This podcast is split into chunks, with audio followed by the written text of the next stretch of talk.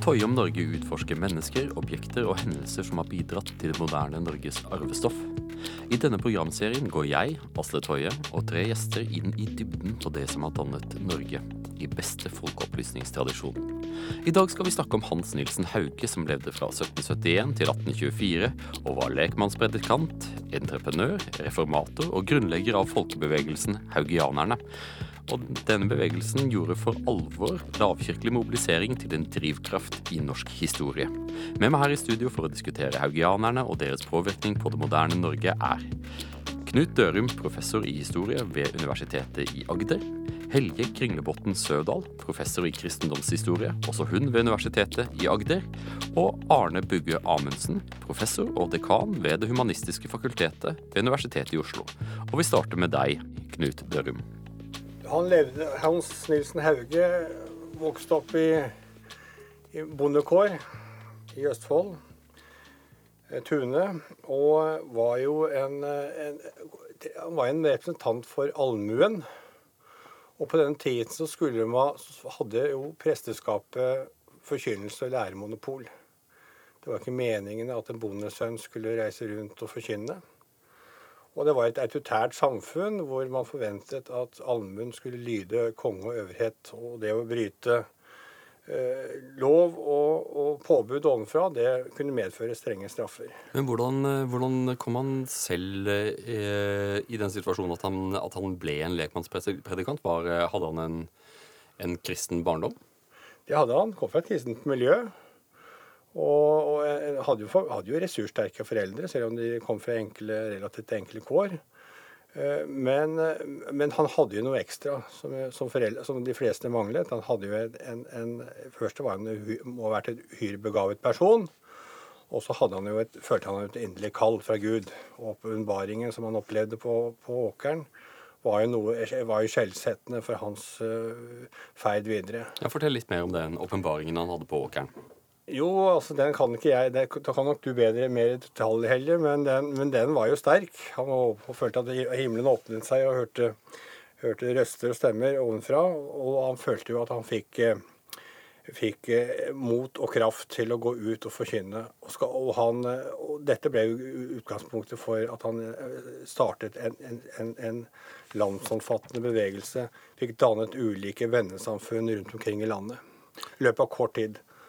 Og I løpet av disse åtte årene så fikk han, opp, fikk han eh, opprettet en rekke vennesamfunn. Ja, dette er de, de, Disse åtte årene er fra, 17, fra, fra ja. 1796 til 1804. Men, men ja. før, vi, før, vi, kommer ja. til det eh, Helge Kringlebotn Sødal, du får ta oss og fortelle oss litt om, åpen, mer om åpenbaringen i åkeren.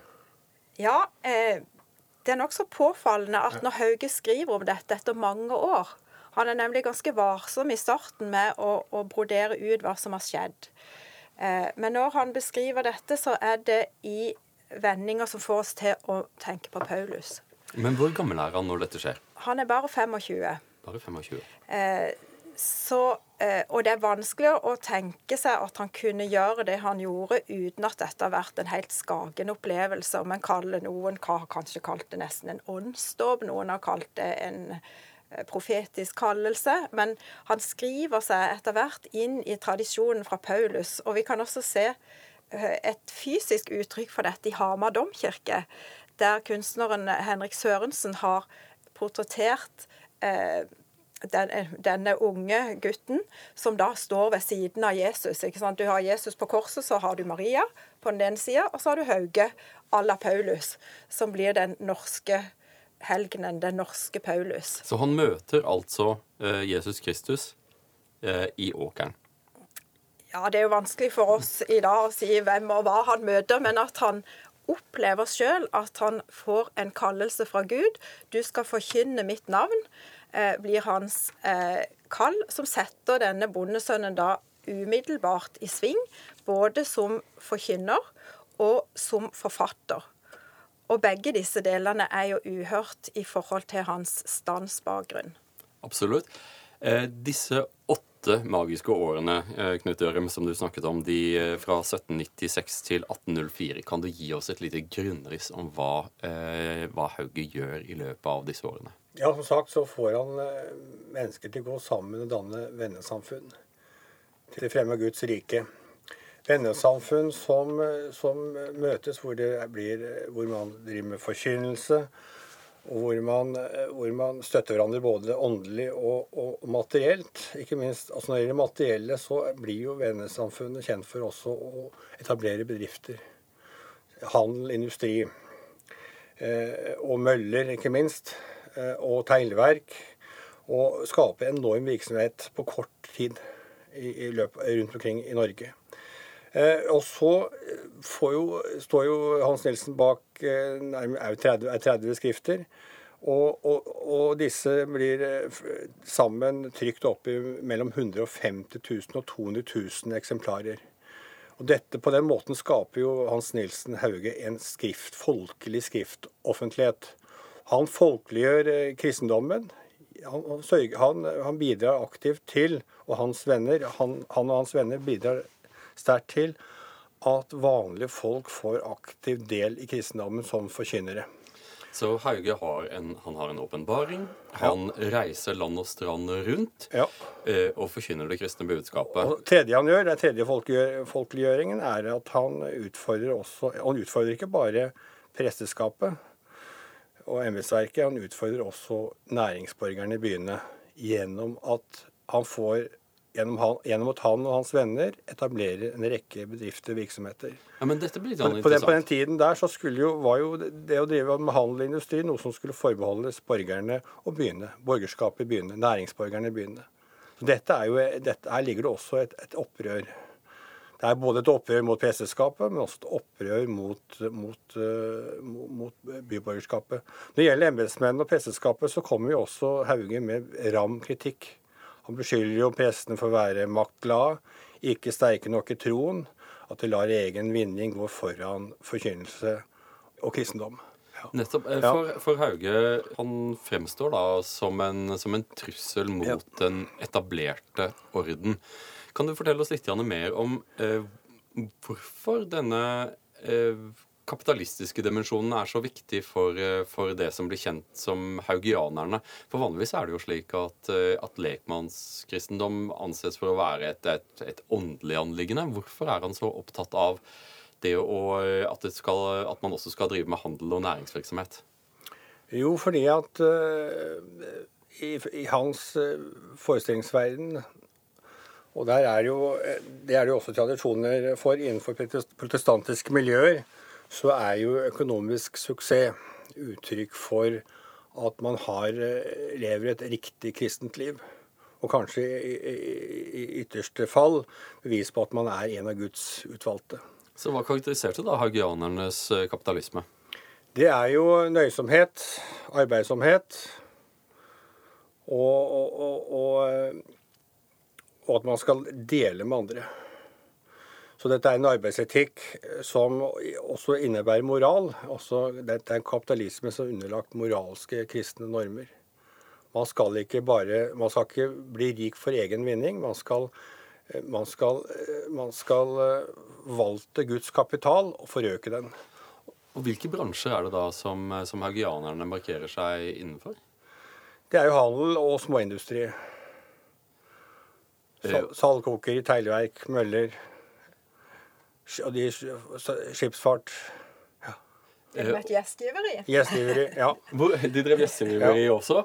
Eh, og, de, eh, og denne, denne, bevegelsen den har vel også elementer av, av et, et, et, å være en vekkelsesbevegelse. Det er, det, er, det er, ikke bare individer, men også grupper av mennesker i lokalsamfunn som, som sammen trer inn i den haugianske bevegelsen. Stemmer det? Det blir jo et sosialt fellesskap, selvfølgelig, hvor mange er forkynnere. Mange deltar, mange møtes. Og hvor man måtte forvalte Gudsordet sammen, og, uten, og dels utenfor kirken, utenfor presteskapets kontroll. Du lytter til programmet Tøye om Norge her på NRK P2. Helge Søvdal, i uh, haugianerbevegelsen så hadde kvinnene noe annen stilling enn det den hadde innenfor det statskirkelige systemet. Ja, det er tydelig at Hauge hadde veldig respekt for kvinner som hadde fått et kall på samme måte som han sjøl hadde. eh, Nå tror jeg det er overdrevent hvis vi skal gjøre han til en moderne feminist. Eh, for han hadde absolutt sin tids syn om at kvinner var mer skrøpelige og mer emosjonelle enn menn. Eh, og derfor kanskje ikke burde ha alle Eh, alle oppgaver i samfunnet. Men samtidig så fikk de sannelig de fleste oppgaver i hans egen vennekrets. Da han i 1802 skulle utnevne tilsynsmenn hvis vi skulle sammenligne det med noe som måtte kanskje være en slags biskop i Den norske kirke, men tilsynsmenn i bevegelsen, så var det flere kvinner som ble utnevnt til denne funksjonen. Eh, han sendte de også rundt, eller de i, som forkynnere. Eh, og dette er spesielt i samtida. Og han tolka ikke Paulus bokstavelig når det gjaldt at kvinner skulle tie forsamlingen og spørre mennene hjemme. Eh, og han lot altså kvinner bære frem vitnesbyrd. Og så er det etter hvert som han da modnes, så feides noe av denne radikaliteten i kvinnesynet ut. Sånn at når han skriver dette testamentet sitt i flere utgaver, det siste utgaven omhandler faktisk ikke kvinner. Så vi vet ikke helt hva mente han om kvinnenes engasjement på slutten. Var han blitt mer forsiktig for å gjøre bevegelsen sin mer spiselig? Men uansett står det fast at han eh, slapp kvinner til. Han stolte på kvinner. Han ga kvinner en posisjon som de første haugianerne nulla ut, mer eller mindre, men som ble tatt opp igjen i misjonsorganisasjonene noen tiår etterpå. Ja, Det er definitivt noe å være stolt over. Da var han over 100 år forut for, eh, for statskirken. Og de, de, de, vonde debattene som vi hadde etter annen verdenskrig om, eh, om, kvinnelige prester og senere kvinnelige biskoper. Arne Bugge Amundsen, kan du fortelle oss litt om hvilke deler av landet hvor denne bevegelsen brer om seg i løpet av disse eh, åtte årene og i tidene som fulgte? Ja, den dekker jo i hovedsak eh, kysten, for å si det sånn. Fra smålenene, som det het eh, den gangen, Østfold, og oppover helt til, til Tromsø-området. Eh, Hauge krysset landet rundt, rundt, hele, så det finnes også nedslag i, i, innlandet. Men særlig så er det kysten som naturlig binder denne, dette, dette, fellesskapet sammen, fordi vannet var noe som, som forbandt folk. Men jeg tenker at det er altså, For å rykke litt tilbake Hauge fødes jo ikke som den Hans Nilsen Hauge som man kjenner ved hans død og i etterkant. Eh, noe av problemet med å beskrive hans biografi tror jeg er at det er så utrolig mange lag av si, ideologisk historieskrivning som har lagt seg oppå. Et, den begynte allerede i hans siste periode som levende, men har vært intens også senere. Så jeg har for min del vært opptatt av at han starter egentlig som en ganske lokal figur. Eh, som spiller på en to-tre eh, egentlig ganske elementære ting. Han kjente sin Erik Pontoppidan og, og katekismeforklaringen hans fra 1730-årene. Så eh, på mange måter kan man si at Hauges kristendomsforståelse er en sånn klassisk pietistisk eh, allmennkristendom, slik den ble formet i, eh, i, i Danmark-Norge fra 1730-40-årene og fremover. Hvor man er intenst opptatt av eh, det indre livet og de ytre tegnene på at man har det rette indre livet. Eh, så han er en klassisk pietist på den måten. Så vokser han opp i et miljø, nemlig i Tune prestegjeld, som var preget av hva skal si, en ekstrem pietisme. Eh, han hadde en sogneprest, Gerhard Seberg, som, som, må ha vært ganske sprøytegal etter hvert. Men han var brødrevenn, og, eller herrnhuter, som satte mange av disse pietistiske fromhetsidealene på en spiss og som gikk på ekstrem kirketukt, f.eks.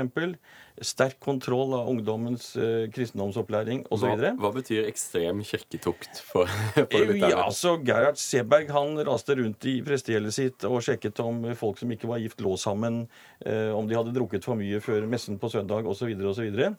Han kunne banke opp folk på landeveien hvis de ikke oppførte seg som han ville. Eller at han gikk løs på dem fordi de ikke hadde betalt hans inntekter som, som, som, som de skulle etter, etter, pressens oppfatning. Så han var, og, og denne Gerhard Seberg tok den unge Hauge til seg på en eller annen måte. Ga ham tilgang til sitt bibliotek. Så han må ha lest veldig mye heinhutisk litteratur allerede i ung alder.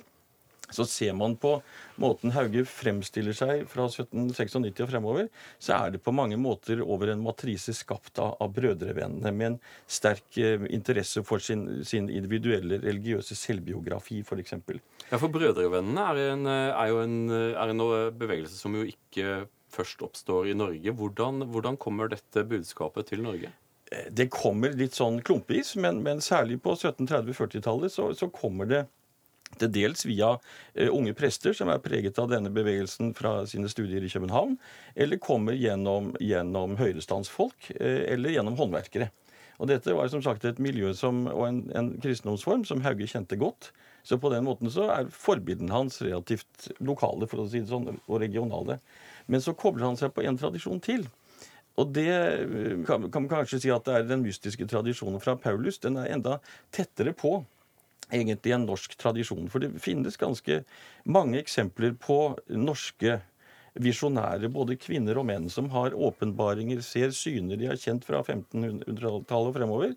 Hauge må åpenbart ha kjent denne tradisjonen også, så når han beskriver dette senere, så står han i en sånn norsk protestantisk mystikertradisjon, som er den åpningen som legfolk har til å ytre seg religiøst utenom det kirkelige embetet og de, de, tradisjonelle strukturene, fordi man påberoper seg at Gud taler direkte til dem gjennom drømmer eller åpenbaringer. Disse brødrevennene var, var veldig på at en skulle snakke med hverandre om troen, og hvordan en hadde det, og hjalp hverandre fremover i troen. Det var Hauge, eh, det videreførte Hauge. Eh, sånn at det er en ambivalens her til herrn Huterne. Lærer mye, ja. Tar avstand fra noe. Nå må du ta oss og fortelle lytterne hvem er herren Huterne?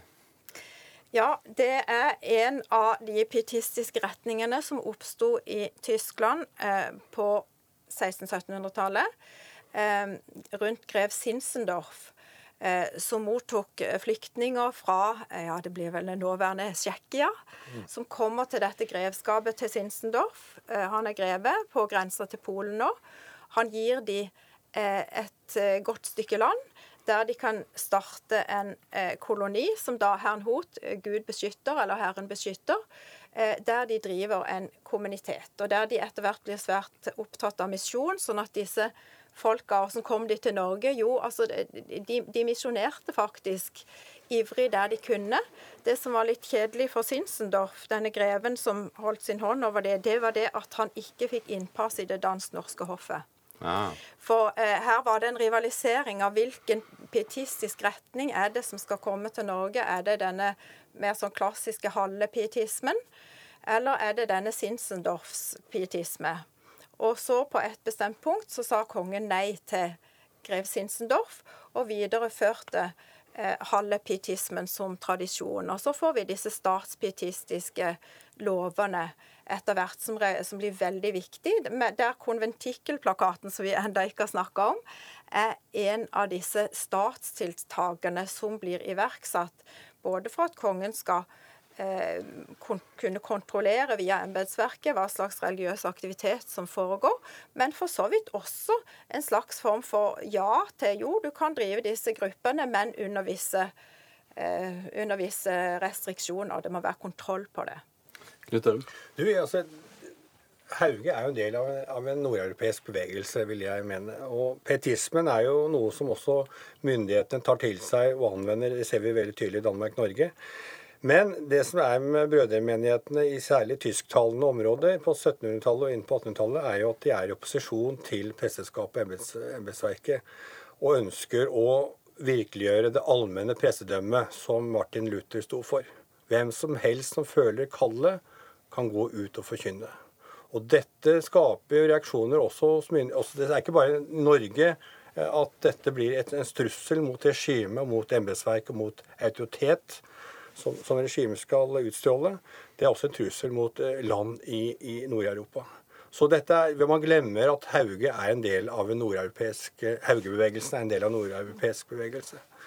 Og så er det slik at det er et opprør. Hauge, Haugianerne representerer jo et opprør både mot presteskapet og embetsmennene. Det er sterk kritikk av at, at prestene ikke er kristne og, og, og, opptatt av av, av kristen velferd og fellesskapet, men at de bare tenker, tenker på egen vending. Men det er også kritikk av, av, næringsborgerne for at de ikke slipper andre til og bare tenker på egen vinning.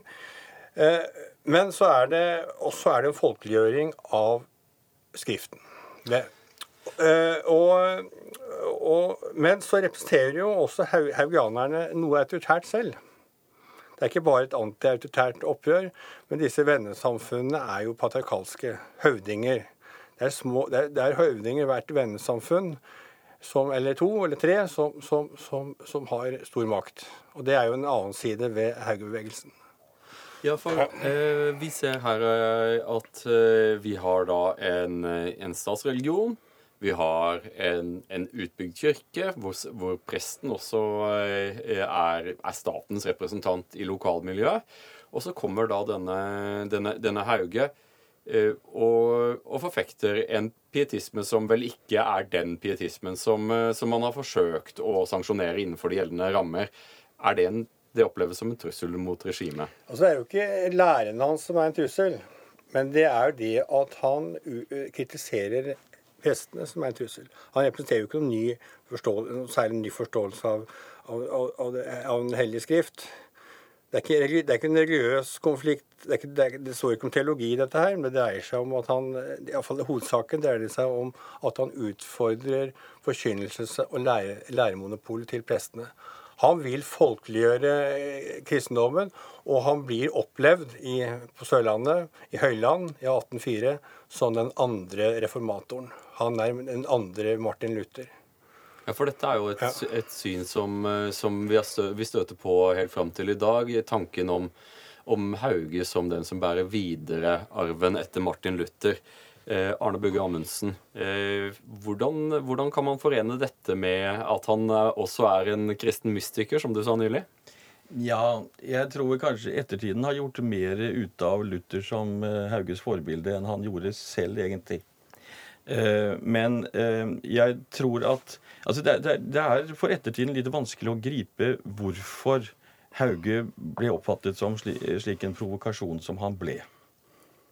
Fordi, som det er nylig påvist i en, i en studie fra, fra, fra Trondheim, så var jo konventikkelplakaten i praksis en sovende bestemmelse. Nå må du ta og fortelle oss, Hva er konventikkelplakaten? Konventikkelplakaten kommer i 1741 som et resultat av eh, et, eh, si, et, et, generaloppgjør som Kristian 6. foretar mellom ønsket eh, religiøs eh, from aktivitet i Danmark-Norge og uønsket from aktivitet. Og Hovedregelen er veldig enkel. Eh, kongen ønsker at eh, folk innenfor husstandens ramme skal opptre oppbyggelig, gjerne samles, lese tekster, synge osv. Eh, men de skal ikke tillate folk som går fra husstand til husstand, og alt skal skje under rett til introspeksjon fra den rette sognprest. Altså sognpresten skal vite om det, og når som helst kunne møte opp. Var de redd for at dette skulle bli en politisk bevegelse? mer at det skulle gå, gå over stag når det gjaldt eh, religiøs ekstremisme, tror jeg. Og det fantes noen eksempler på dette i denne perioden som man gjennom konventikkelplakaten forsøker å sette bom for. Men mitt poeng er at den, den var nok på, i praksis sovende på 1790-tallet. Eh, og Hauge er jo ikke, når han fremstår som, som forfatter og, og, og predikant, han virker dørgende kjedelig og ekstremt tradisjonell på mange måter. Altså, jeg tror For mange av datidens motegeistlige så var det mer at han, at han var så, så, kjedelig og så konservativ. For det var betydelig interesse i ledende krefter i, i datidens presteskap for å fornye religionen, for å gjøre religionen mer relevant. Eh, og de hadde eh, i, mange bysamfunn en betydelig barskere kritikk mot kristendommen og prestene eh, enn det som Hauge kom med. Altså Han var egentlig ganske tradisjonell i sin kritikk også. Så jeg tror at det som på en måte satte fart i opposisjonen, var at, i hvert fall fra geistlighetens side, at han ga trykk bak en kristendomsform som man trodde man var i ferd med å, å, å forlate. Ja, var... som, som, var, som, var, en gammeldags og ikke, ikke, fremtidsrettet. Fra pressenes side tror jeg det var en viktig side. Samtidig som man selvfølgelig underminerte deres autoritet når han sa at ikke hør på dem, de snakker tull, de snakker en religion som Gud ikke vil vedkjenne seg. Dere skal bruke de, de gamle skriftene og lese deres pontoppidan osv. Ja, men, eh, men Hauge Utfordret han kongen i København? Utfordret han statsmakten på noen som helst måte? Utfordret han deres legitimitet? Det har nok eh, vært en viss eh, frykt for at han kunne lede an en skal vi si, en allmueopposisjon. Det hadde man jo nettopp hatt i, i Norge med bevegelsen rundt Christian Lofthus f.eks., som jo satt, satt, fengslet veldig lenge på Akershus og hadde en sånn en ikke-religiøs ikke eh, Hauge-biografi på et vis.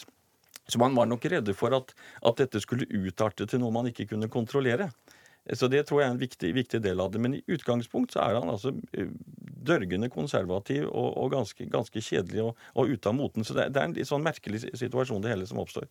Ja, altså det er jo Anklagepunktene mot uh, Hauge er jo at dels at han uh, viser, kommer med fornærmelige ord og uttrykk om lærestanden, om prestene.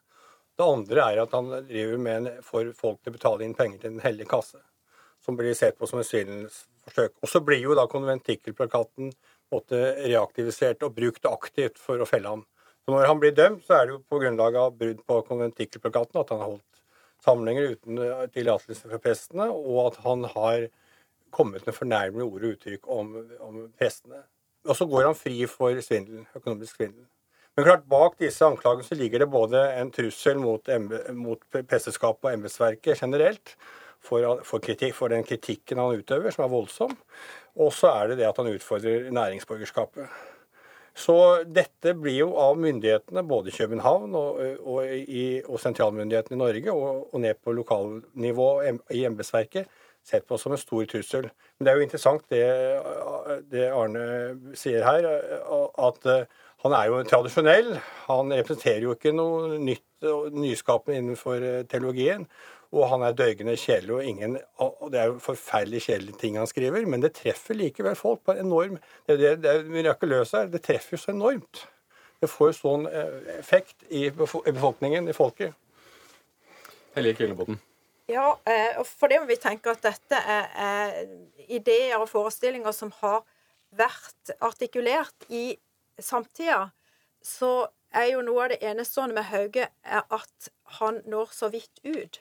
Altså Én ting er at du har en, en lokal eh, bonde som, som, opponerer litt i sitt eh, lokalmiljø. Her har vi en person som plutselig får med seg store deler av Norge.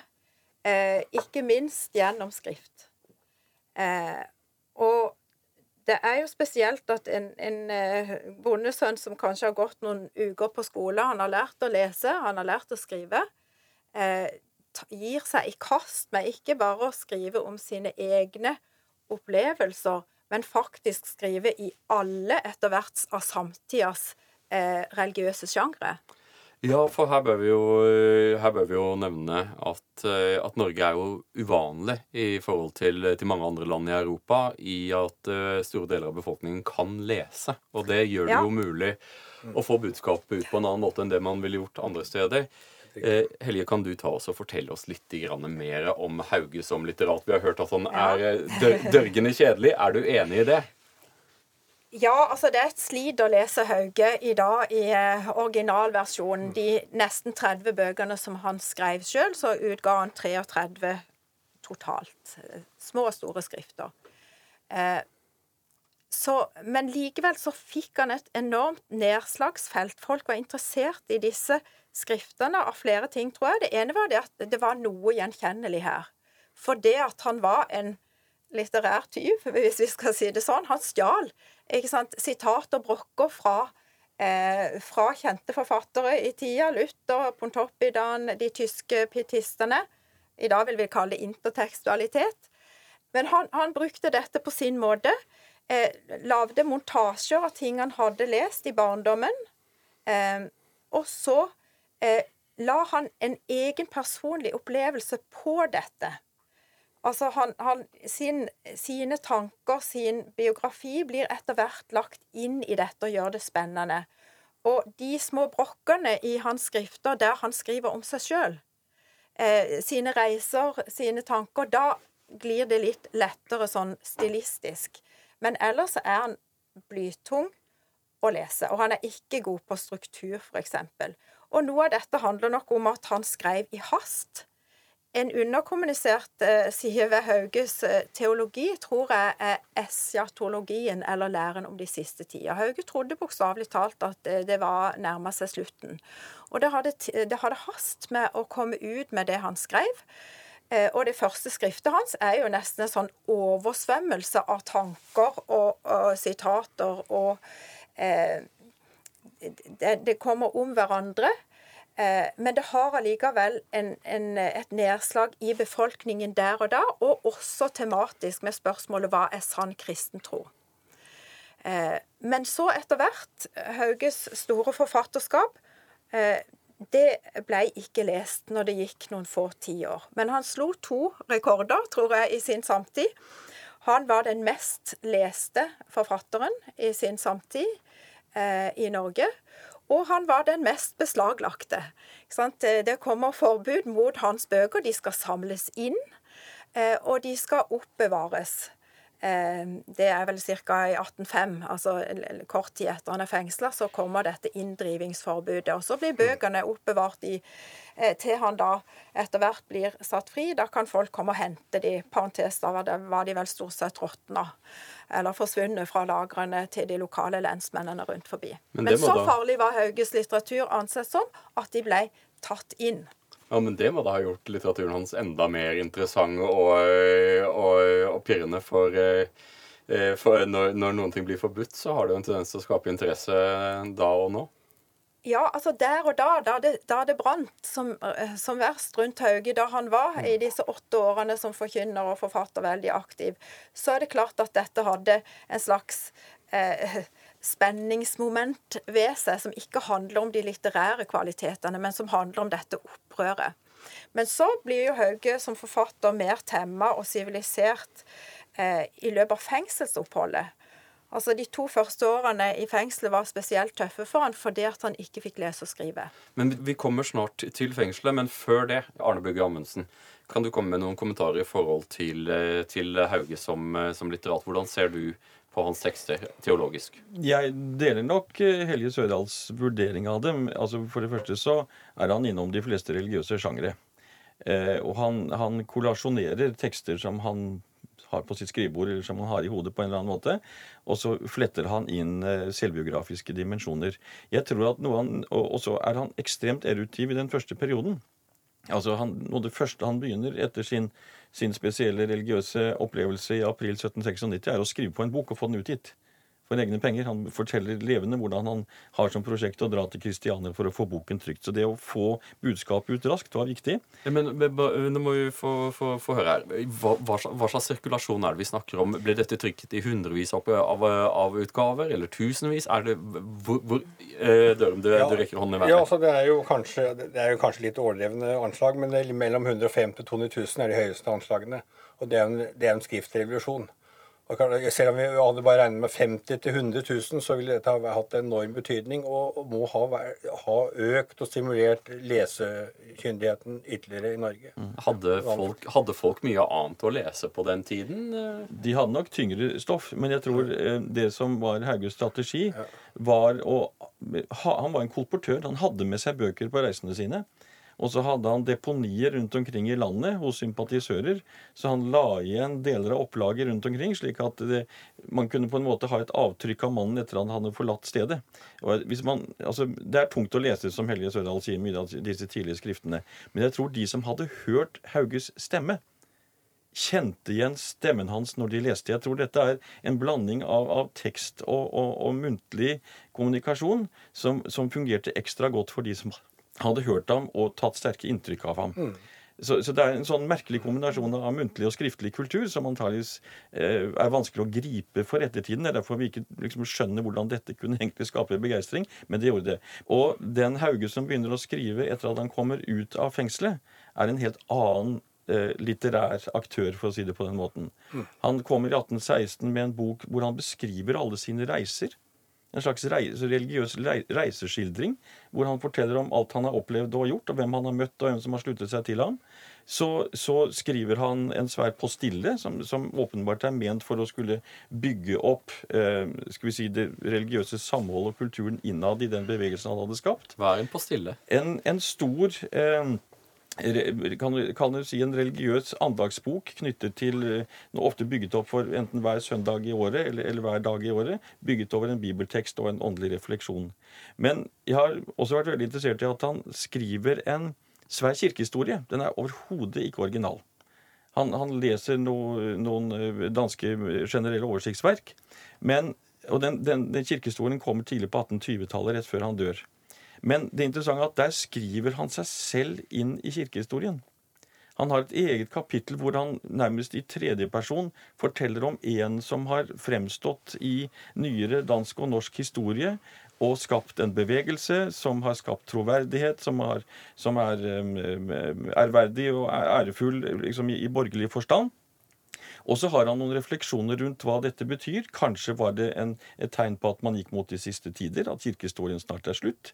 Eller at kristendommen er på vei bort fra de klassiske områdene, altså i Europa. Han, han har noen refleksjoner rundt misjonen i, i andre verdensdeler f.eks., og kanskje sier at, at kanskje kristendommen har uttømt seg i, i, det kristne Europa, men er på vei til å erobre nye kulturer og nye verdensdeler. Så han har liksom ikke et sånt rettlinjet kirkehistorisk perspektiv, men interessant at han reflekterer over sin egen historiske rolle. Og det kan man jo man kan si det er hybris, eller det er en, en evne til å reflektere. Men det er altså Hauge etter fengselstiden. Du lytter til programmet Tøye om Norge her på NRK P2. Men nå har vi nevnt et par ganger eh, fengslingen av, eh, av Hauge. Eh, Knut Ørum, kan du fortelle oss eh, opptakten til dette? For det, det murrer jo en stund. Eh, eh det, det, det, er jo ingen overraskelse når, eh, når, Hauge da blir fengslet. Kan du fortelle oss litt om opptakten til fengslingen? Hva han blir dømt for, eh, og hvordan dette blir opplevd av Hauges følgere? Altså, Hauge Det som gir denne bevegelsen ekstra næring, det er jo en, en opposisjon i folket, også mot embetsverket, mot prestene, som vi ser veldig tydelig etter 1814, når vi får bondeopposisjon. Så det er, jo, det er jo en kontinuitet der, eh, fra 1830-årene og tilbake igjen. Eh, så Det er det som gjør at embetsverket reagerer så sterkt. Derfor det går ut bud, om, og derfor, derfor får eh, sentralmyndighetene samlet inn uttalelser fra alle embetsmennene, og særlig prestene i hele landet i 1804 og, og, man begynner å sette i gang, gir lensmenn ordre om å, å, gå til aksjon eh, rundt omkring i, i, landet. Og til slutt blir han fengslet. Hvor, hvor ja. er han da når han blir pågrepet? Altså, Han blir jo pågrepet mange ganger, for å si det, det sånn. Jo, ja. eh, han blir eh, første gang pågrepet etter to år. Mm. Eh, og det er litt, litt, interessant å se selv i sitt I 1798. første eh, Nei, 1797 faktisk. Da, da er det mindre enn eh, to år. Mm. Eh, han skriver i sitt første skrift at det kan være at det blir martyr, eller noe i den duren. Altså mm. Han forutser at det han gjør, faktisk er veldig farlig. Så han åker inn første gang i Trondheim. Eh, der sitter han eh, og skriver eneste skrift, den eneste skriftlige saken som fremdeles er i bruk i dag etter Hauge, og det er sangen 'Jeg er hos Gud i nåde'. Den er i Den norske kirkes salmebok fremdeles. Men så er det som Helge Sødal er inne på, han, han sitter jo i en lang fengselsperiode, og han gjør to ting. Han leser masse, og så må han begynne å reflektere over hva det er han har satt i gang. Eh, så kommer han ut, og så er det litt inn og ut. Men den, den store fengslinga, det er i 1804. Da er han på Eiker, altså sin på si, mest suksessfulle bedrift, som er en slags eh, eh mønsterhaugebedrift, der både hans eh, familie arbeider, der kvinner og noen som har funksjonsnedsettelser, arbeider. Eh, og så blir han da innesperra i nesten ti år. Men til sammen så, så, sitter Hauge mer eller mindre i fengsel i elleve år. Ja, for han, eh, han, han, blir, han, blir, eh, sperret inne i noe som vel minner en om en form for husarrest, kanskje? Nei, altså dette Først havner han i fyllearresten, av alle ting, sammen med en gjeng med, med løsgjengere. Han havner i fylleresten, og så etter hvert så blir han da satt på ei enecelle, som vi da kan se i, på Folkemuseet på Bygdøy i dag, hvis vi hadde fått lov å komme inn igjen. Det er ca. 15 kvadratmeters rom. som han da eh, måtte oppholde seg i alle disse årene, minus de permisjonstidene han etter hvert fikk. Hvor mange år sitter han innesperret? Ja, altså Han sitter i rådhusarresten ca. ti år. Eh, og dette er jo eh, ille nok for de fleste, selv om det var ikke det verste fengselscella som fantes. Men dette er jo en friluftsmann som har hatt sin glede i å vandre rundt, og som har vært fysisk sterk. Eh, og som da blir isolert, og som eh, bare kan bruke tida på det første tida når han ikke kan lese og skrive, og bare gå, vandre fremover og tilbake her, og strikke litt, antagelig. Ja, For vi kan jo se da de nedslitte gulvplankene den dag i dag på Ja, bortsett fra at cella er opp, eh, avlåst, men som forsker så får en lov å komme inn der hvis en spør pent. Knut, Knut Ørum, det som tegner seg her, er, er en bevegelse som vokser frem. Et kristent budskap uh, som, som, finner en grobunn. Men det er vanskelig å få dette regnestykket til å gå opp uten uh, personen Hauge. Han må ha vært et ganske spesielt menneske. Han må ha hatt en enorm utstråling. Det må han ha hatt. Og så var han et multitalent. Allsidig begavet. Han kunne Han var jo både en, en slags selvlært teolog han var en meget praktisk mann. En mann som eh, var nevenyttig og så kunne gjøre mange ting med hender. Og så hadde han et, et organisatorisk talent. Han greide jo å starte den første norske folkebevegelsen. Og så satte han varige spor etter seg. Selv om han ble knekt etter fengselsoppholdet og aldri kom seg igjen, så hadde han, hadde han skapt en bevegelse som levde flere tiår etterpå og, og, som gjorde mye av seg. Og det, det, som, det som, er interessant med Haugebevegelsen etter Hauges uh, storhetstid, det er jo at den, uh, den vokser, blir større og, og kommer til å, å, å, utgjøre eh, mye av kjernen for lekmannsbevegelsen som, som gror opp i Norge på 1800-tallet. Det gjør seg sterkt gjeldende på Stortinget, i bondeopposisjonen. Ja, for det var jo vel tre haugianere som var til stede på Eidsvoll i 1814? Stemmer, og så blir det jo flere etter hvert. Men det er vanskelig å avgjøre hvem som er alle altså det, Noen er det vanskelig å identifisere om de virkelig var haugianere, eller om de var bare påvirket av haugianismen. Men de er sterke i bondeopposisjon. Men det som skjer, som er interessant med Haugebevegelsen, er at for å være i opposisjon til establishment, til embetsmennene, så blir de på parti med embetsmennene. De blir også moderniseringsagenter sammen med embetsmennene. På hvilken måte? De ønsker eh, frihandel, de ønsker mer handel, og de ønsker bedre samferdsel, bedre veier, dampskip, og, og, og, dette, og de ønsker et mer moderne, rasjonelt jordbruk med nye redskaper, driftsmetoder. Og dette er jo ikke bøndene, vanlige konservative bønder alltid så veldig begeistret for. Så eh, sammen med embetsmennene så gjennomfører haugianerne moderniseringsprosjekter i mange lokalsamfunn. Og det har jeg påvist f.eks. i Østfoldsbygdene og i Follo. Ja, jeg har bare lyst til å smette inn også. De ønsker jo også bedre skole. Bedre skole, helt selvfølgelig. Og dette er ja. jo en, en, ting som en lett, lett glemmer i denne opplysningspietisme-konflikten. En tenker at pietistene de ville bare ha denne vekkelseskristendommen, og opplysningene, de, opplysningsteologene de ville bare ha fornuft og utdanning. Men eh, dette med å utdanne allmuen, det var jo et av pietistenes virkelig viktigste kort.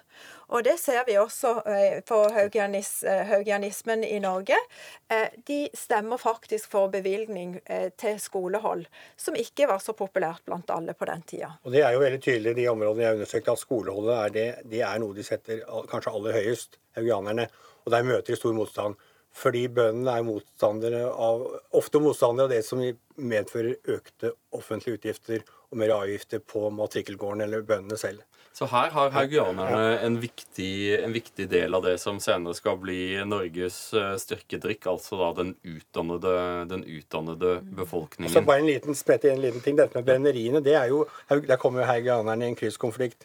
For der, det blir jo mer og mer en, en, en, en lære blant haugianerne at alkohol det, man, det er djevelens verk, eller et onde. Men så er det hva gjør vi med disse lukrative brenneriene?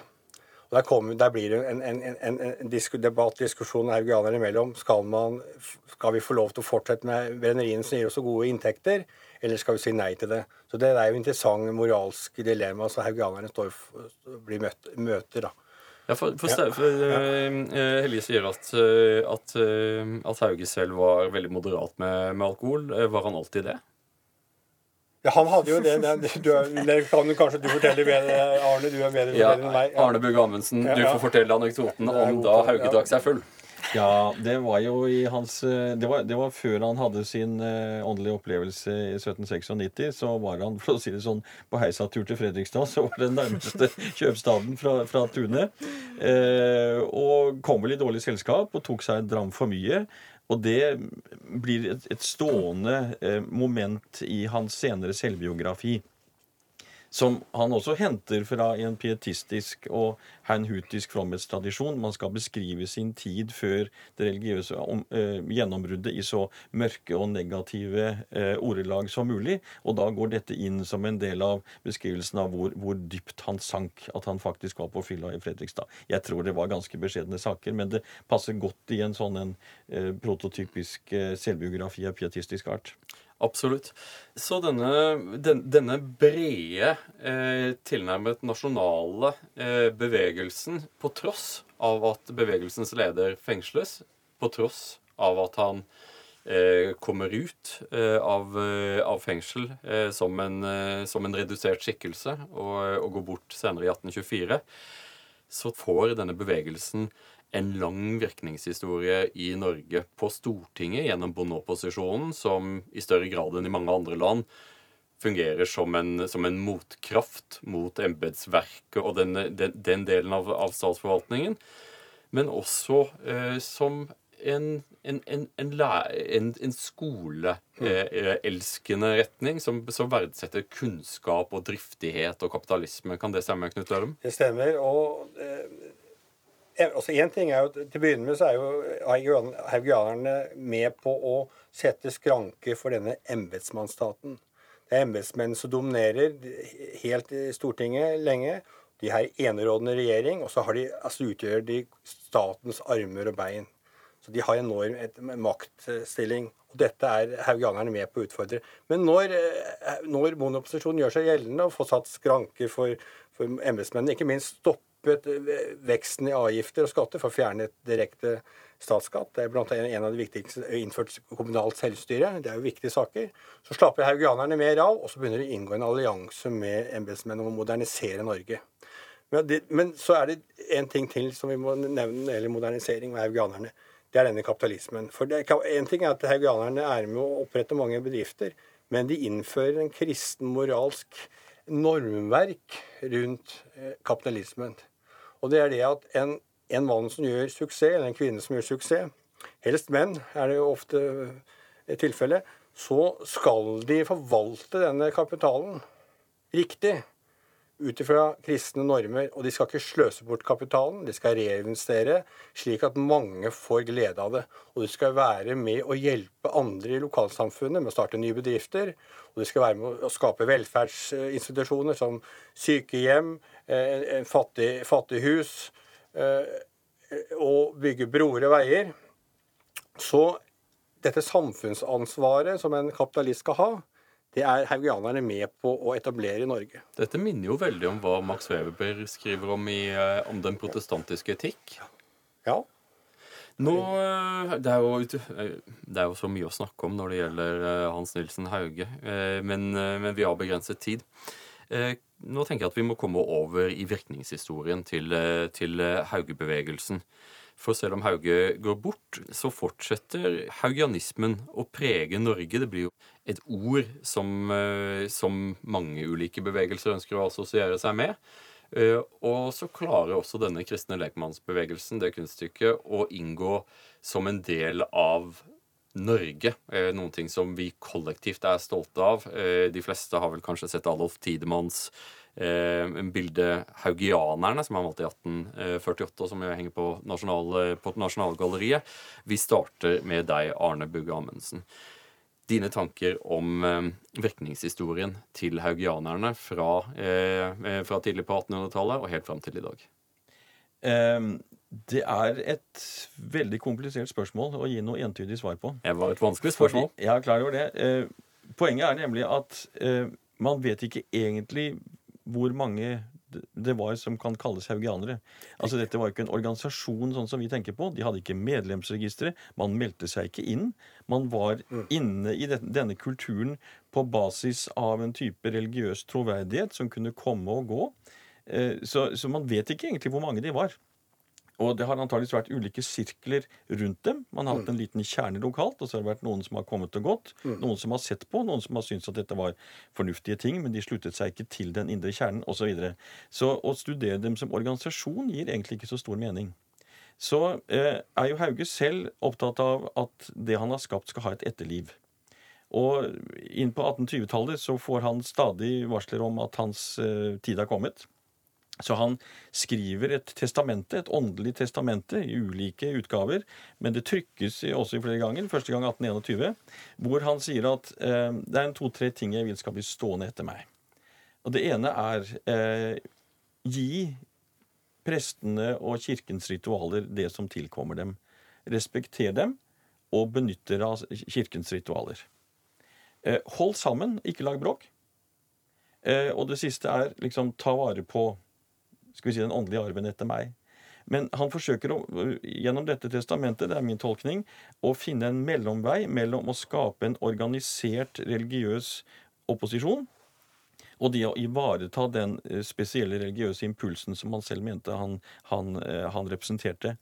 Og dette kommer jo da opp som et problem for disse gruppene haugianere i 1840-årene allerede de, mange av dem opponerer f.eks.